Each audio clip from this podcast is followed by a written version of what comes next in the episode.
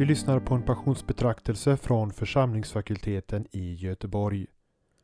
FFG-lärare och några gästande präster håller passionspredikningar över Markus evangeliets skildring av Jesu lidande.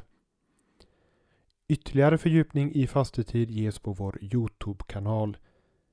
I sex avsnitt samtalar FFG-lärare om varför korset måste vara i centrum i kyrkans och den enskildes liv och vad som händer när det inte blir det. Fördjupning i fastetid på vår Youtube-kanal. Denna sista passionspredikan hålls av förre lektorn i kyrkohistoria på församlingsfakulteten, Rune Imberg. Han på korset, han alena, allt mitt hopp och goda är. Ingen må mig det förmena att jag håller honom kär. Ingen annan har för mig så fullkomligt offrat sig. Han kan mig med Gud förena, han på korset, han alena. Amen. Vi läser nu ur Markus-serien vid passionstiden, eh, texten för vecka 6, Markus 15, vers 1-20. I Jesu namn. Redan tidigt på morgonen fattade översteprästerna sitt beslut tillsammans med de äldste och de skriftlärda, hela stora rådet. De band Jesus och förde bort honom och utlämnade honom åt Pilatus. Pilatus frågade honom, är du judarnas konung? Jesus svarade, du säger det själv. Och översteprästen anklagade honom häftigt. Pilatus frågade honom på nytt. Svarar du ingenting? Du hör hur mycket de anklagar dig. Men Jesus svarade inte längre och det förvånade Pilatus. Vid högtiden brukade Pilatus fria en fånge, en som de begärde. Där fanns nu en man som hette Barabbas. Han satt fängslad tillsammans med andra upprorsmän som hade begått mord under oroligheterna. När folket kom fram och begärde att få vad han brukade bevilja dem svarade Pilatus. Vill ni att jag skall frige judarnas konung? Han förstod nämligen att det var av avund som översteprästen hade utlämnat honom. Men översteprästerna hetsade folket till att begära att han istället skulle frige Barabbas. Pilatus frågade dem än en gång. Vad skall jag då göra med honom som ni kallar judarnas konung? De skrek, korsfäst honom. Pilatus frågade dem, vad har, vad har han då gjort för ont? Men de skrek ännu högre, korsfäst honom. Och då Pilatus ville göra folket till viljes frigav han Barabbas. Men Jesus lät han gissla och utlämnade honom sedan till att korsfästas. Soldaterna förde nu in Jesus på gården, det vill säga residenset, och kallade samman hela vaktstyrkan. De klädde på honom en purpurmantel och flätade en törnekrona och satte den på honom. Sedan hälsade de honom, leve judarnas konung. Och de slog honom i huvudet med en käpp, spottade på honom och böjde knä och tillbad honom. Och när de hade hånat honom tog de av honom purpurmanteln och klädde på honom hans egna kläder. Sedan förde de ut honom att korsfästas. Så lyder det heliga evangeliet. Lovad vare du, Kristus. Amen. Jesus för världen givit sitt liv. Öppnade ögon, Herre mig giv. Mig att förlossa offrar han sig, då han på korset dör och för mig. Amen. Vår text idag utgör avslutningen på läsningen under de sex veckorna i fastetiden och i år har läsningen tagits från Markus-serien. Det som återstår det är två läsningar, en om Jesu korsfästelse och död och den läser man på långfredagen och sedan en sista läsning som berättar om begravningen av Jesus och den brukar man eh, läsa på långfredagens eftermiddag. Markus, han är den store berättaren av evangelisterna. Man har ända sedan fornkyrkans dagar menat att Markus har skrivit ned den berättelse om Jesu liv och gärning som Petrus gav inför de kristna församlingarna i romarriket. Så Petrus gav denna berättelse på ungefär likartat sätt många gånger och sedan skrev Markus ner den. Och det innebär att man läser Markus evangeliet eller lika gärna lyssnar till det så sker det i hög grad genom Petrus ögon och öron och genom Petrus mun. Eftersom Markus själv var en fantastisk berättare ska vi nu försöka identifiera både vad han säger och vad han inte säger utan utelämnar. Vi ska ta upp fyra viktiga punkter i, eh, i hans skildring, både av vår text och av sammanhanget runt omkring. Handlingen i Markus skildring, de personer som förekommer, vad Jesus säger men också vad han inte säger och vad Markus vill förmedla genom sin skildring. Så vi börjar med handlingen. Vår text utgör en del av kulmen i Markus berättelsen. Man kan beskriva hans skildring så här. Och då kan vi tänka på hur texten är uppdelad i våra psalmböcker. Vecka 1-4 utgör ett slags upptakt där Jesus först blir smord av en anonym kvinna. Sedan instiftar Jesus nattvarden. Jesus kämpar i ett semane. Jesus förråds av Judas och grips i ett semane. Så det är de fyra delarna som utgör själva upptakten. Sen kommer delarna 5 och 6 eh, och långfredagens huvudgudstjänst som utgör berättelsens kulmen. Vecka 5, alltså det som var förra veckan. Jesus ställs inför översteprästen och Stora rådet och döms till döden för hädelse. Samtidigt på översteprästens gård förnekar Petrus Jesus tre gånger. Så det var förra veckan och vår text nu här. Jesus ställs inför Pilatus, översteprästerna pressar Pilatus att döma Jesus till döden medan folket skanderar korsfäst. Jesus blir hånad och misshandlad. Och efter det följer då långfredagstexten, det som vår text går över i. Jesus får hjälp att bära till korset, han blir korsfäst och han dör. Och sen som en epilog följer långfredagens kvällsgudstjänst den texten, Jesus begravs. Så det är den, den struktur som vi har i Markus skildringen. Då kommer vi till personerna. Ett viktigt element i Markus berättarteknik det är både vad han säger och vad han utelämnar. Inledningsvis berättade han att en kvinna smorde Jesus, men eh, det är i Johannes 12 som vi får veta att denna kvinna var Maria från Betania. Sedan berättar Markus, det är vecka 2, den texten, att några dagar därefter sände Jesus iväg två lärjungar för att förbereda påskalamsmåltiden. Men det är Lukas som avslöjar att det var Petrus och Johannes. Det framstår inte alls eh, i, i vår text och i Markus.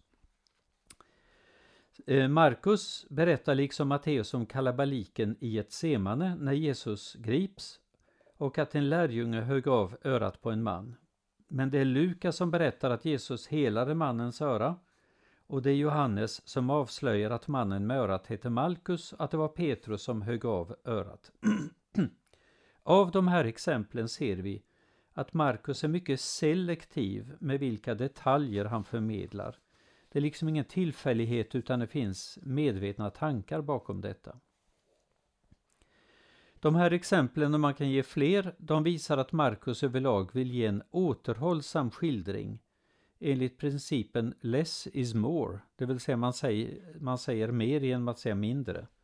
Medan andra evangelister kan fylla på med fler eh, detaljer på olika sätt. Vad är det då som Markus vill poängtera vad gäller händelserna vid Pilatus residens, det som är vår text? Vi börjar med de personer som nämns. Överste prästerna. De nämns tillsammans med äldste och skriftlärda, alltså Stora rådet.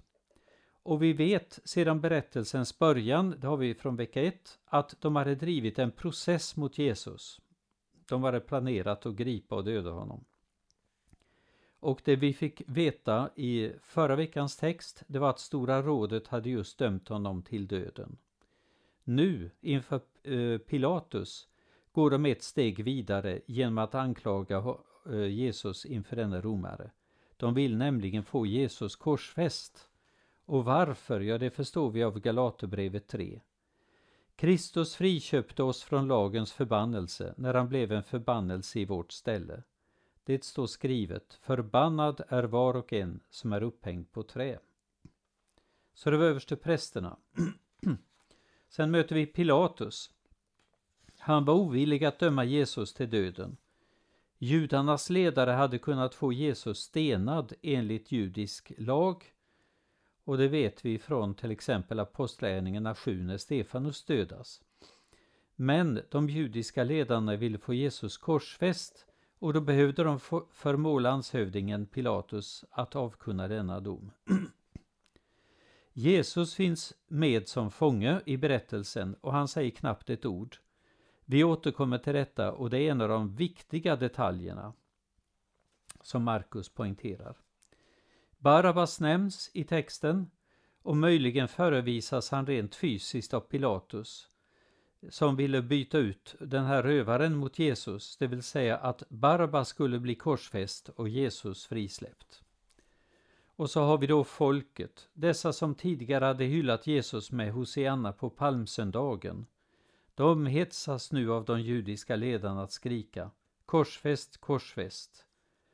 Och så till sist har vi soldaterna. De brutala soldaterna passar på att håna och misshandla Jesus före korsfästelsen. Så de eh, personer som Markus lyfter fram, de överste prästerna, Pilatus, Jesus, kanske Barabbas, folket och soldaterna. Men vi kan också notera några personer som inte alls förekommer i skildringen. Judas har glidit bort ur handlingen. Tidigare har vi läst om hans konspiration mot Jesus och förräderiet i Getsemane. Men det är uppenbart att Markus vill berätta så lite som möjligt om honom. Petrus har nämnts flera gånger tidigare i Markus evangeliet och också i, i, i passionsskildringen. Och i passionsskildringen så är det oftast i mindre smickrande sammanhang. Men han har nu precis försvunnit ur handlingen och nämns inte förrän uppståndelsen att man skulle hälsa särskilt till Petrus att Jesus har uppstått. Vi kan också notera ännu ett faktum och det är att Petrus och Markus hade kunnat dra in de andra apostlarna i handlingen och berätta om hur de hade svikit Jesus. Och då hade de lyckats fördela skulden lite mer. Men så är det faktiskt inte. I Markus-skildringen tonas de andra apostlarnas svek ner och Petrus svek betonas. Det anmärkningsvärda är alltså detta att Petrus figurerar ofta i Markus 14, det kapitel som föregår vårt, kapitel 15 då. Men han försvinner ut ur handlingen vid kapitlets slut. Där skriver Markus, när Petrus redan förnekat Jesus två gånger och är, och är på väg att göra det en tredje gång. Efter en kort stund sade också det som stod där till Petrus, visst är du en av dem, du är ju Galilé. Men han förbannade och svor, jag känner inte den där mannen som ni talar om. Strax skol tuppen för andra gången. Då kom Petrus ihåg det som Jesus hade sagt till honom. Innan tuppen hinner gala två gånger skall du tre gånger förneka mig. Och han brast i gråt. Det är så Petrus försvinner ut ur handlingen. Därefter börjar vår text, den som vi har lyssnat till idag. Petrus förnekande och förbannelser, de ligger som ett tyst eko över skildringen om rättegången inför Pilatus. Det var detta andra om personerna. Och då kommer vi till det tredje, vad Jesus säger och inte säger. Redan tidigt på morgonen, det är så vår text startar, med de orden antyder Markus översteprästernas och Stora rådets brådska. De ville så snart som möjligt få Jesus dömd till döden. De ville få honom korsfäst, inte stenad. Pilatus frågade Jesus, är du judarnas konung? Nu har anklagelserna bytt karaktär. Hemma hos översteprästen angrep man Jesus på en rad sätt och man misslyckades hela tiden. Till sist gick översteprästen till frontalangrepp och frågade, är du Messias, den välsignade son? Med andra ord, gör du anspråk på att vara Messias, att vara Guds son? Ända tills nu hade Jesus tigit, medan de riktade sina anklagelser mot honom, men nu svarade han. Och det var bland de få sakerna han sa hos översteprästerna. Jag är, och ni skall få se Människosonen sitta på maktens högra sida och komma bland himlens moln. Jesus använde alltså uttrycket ”jag är” om sig själv.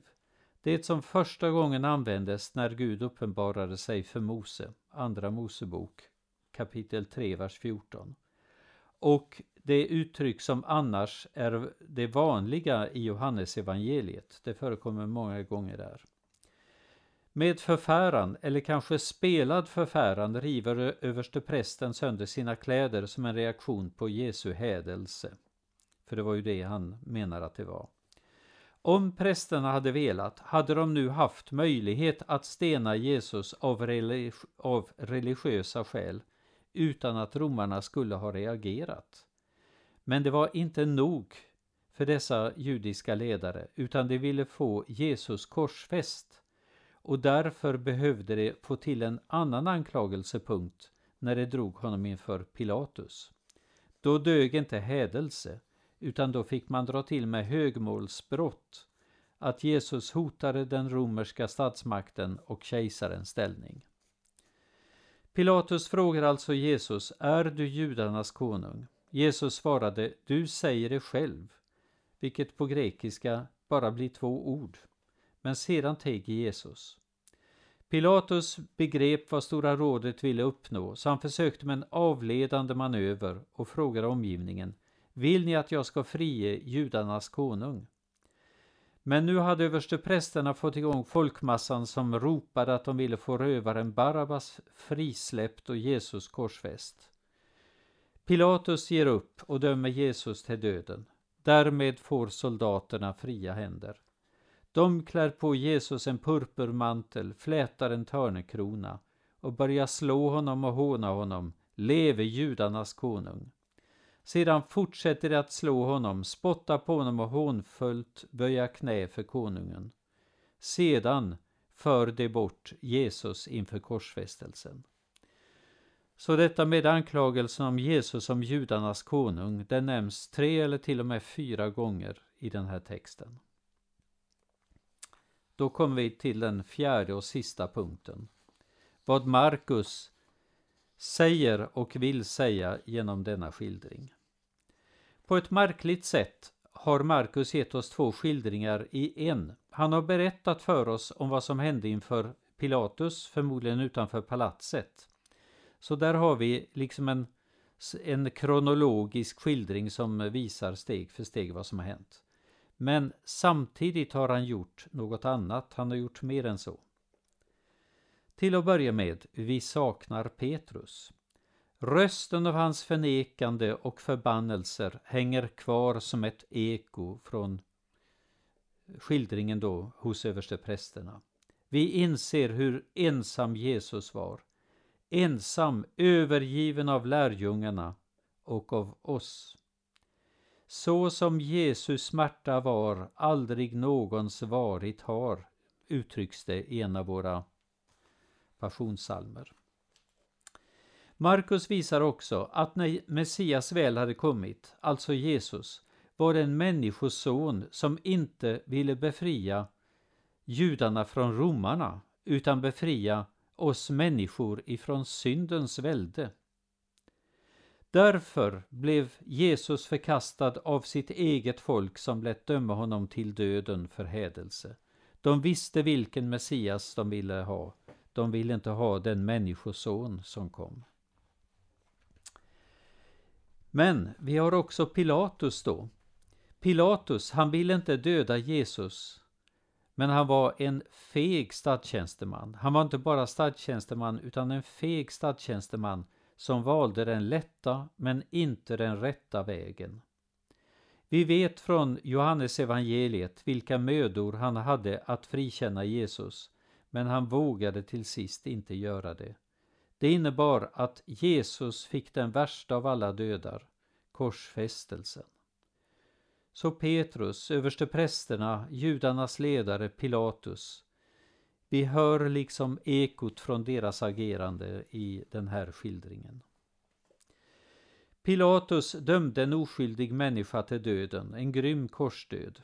Över dessa tre texter, hos översteprästen, hos Pilatus och den som följer den som handlar om Jesu korsfästelse. Över dessa tre texter hörs en mycket speciell ton. Det är Jesu tystnad. Under hela denna tid säger han inte mer än några enstaka meningar. Och helt plötsligt kan vi inse att Markus har konkretiserat profetian från Jesaja 53. Han blev misshandlad men han ödmjukade sig och öppnade inte sin mun. Lik ett lamm som förs bort till att slaktas, lik ett får som är tyst inför dem som klipper det, så öppnade han inte sin mun. Genom våld och dom blev han borttagen. Vem i hans släkte besinnar att när han rycktes bort från det levandes land blev han plågad på grund av mitt folks överträdelse. Så det är i tre olika situationer som Jesus är tyst, nästan helt tyst. Och tre gånger betonar Jesaja detta, att han öppnar inte sin mun. Men vi kan också fånga upp andra bilder på vår näthinna när vi läser texten eller lyssnar till den. Vi ser hur Jesus blir iklädd en fejkad kungamantel, han blir hånad och misshandlad och sedan återfår han sina egna kläder. Han blir avklädd och påklädd och till sist dör han, förmodligen naken på ett kors. Därmed bygger Markus i all tysthet upp en bild av hjälten som profeten Jesaja talar om tio kapitel längre fram, alltså i kapitel 63. Vem är han som kommer från Edom, från Bosra i högröda kläder, så präktig i sin dräkt, så stolt i sin stora kraft? Det är jag som talar i rättfärdighet, jag som är mäktig att frälsa. Denne man från Bosra var iklädd högröda kläder, var mäktig att frälsa. Återigen en profetia från Jesaja som Markus har konkretiserat. Vi ser också en annan bild och då handlar det om oss själva. Jesus blir avklädd för att vi ska bli påklädda. Vi ser den förlorade sonen, som vid närmare eftertanke är vi själva. Den förlorade sonen blir iklädd en högtidsdräkt i Lukas 15. Men vi ser också den stora vita skaran inför Guds tron som eh, Johannes talar om i Uppenbarelseboken. Och det som då sker är det saliga bytet. Johannes säger Därefter såg jag och se en stor skara som ingen kunde räkna av alla folkslag och stammar och länder och språk. Det stod inför tronen och inför lammet klädda i vita kläder och med palmblad i händerna. Jesu avklädande förvandlas alltså till vårt påklädande som det står i Uppenbarelseboken 19 kapitel Uppenbarelseboken 19 vers 6 till 8. Halleluja, Herren vår Gud, den allsmäktige har blivit konung. Låt oss vara glada och jubla och ge honom äran. Ty lammets bröllop har kommit och hans brud har gjort sig redo. Åt henne har, klätt, har givits att klä sig i skinande rent linnetyg. Linnetyget är det heligas rättfärdighet. Alla dessa bilder som byggs upp inom oss genom Markus skildring kan sammanfattas i de ord som avslutar hans korsfästelseskildring, den som vi läser på långfredagen, där officeren som korsfäst honom utbrister den mannen var verkligen Guds son. Jesus teg, men Gud handlade och officeren talade. Gud handlade genom att klyva förlåten i templet och öppna upp. officeren talade, den mannen var verkligen Guds son. Amen. Vi ber med psalmbokens ord. Nu tackar, nu dig tackar allt mitt hjärta, Jesus för din bittra nöd, för din ångest, för din smärta, för ditt kors och för din död. Tack för allt det bittra svåra som du led för synder våra. Pris och ära tillhör dig, Jesus, du som dog för mig. Amen.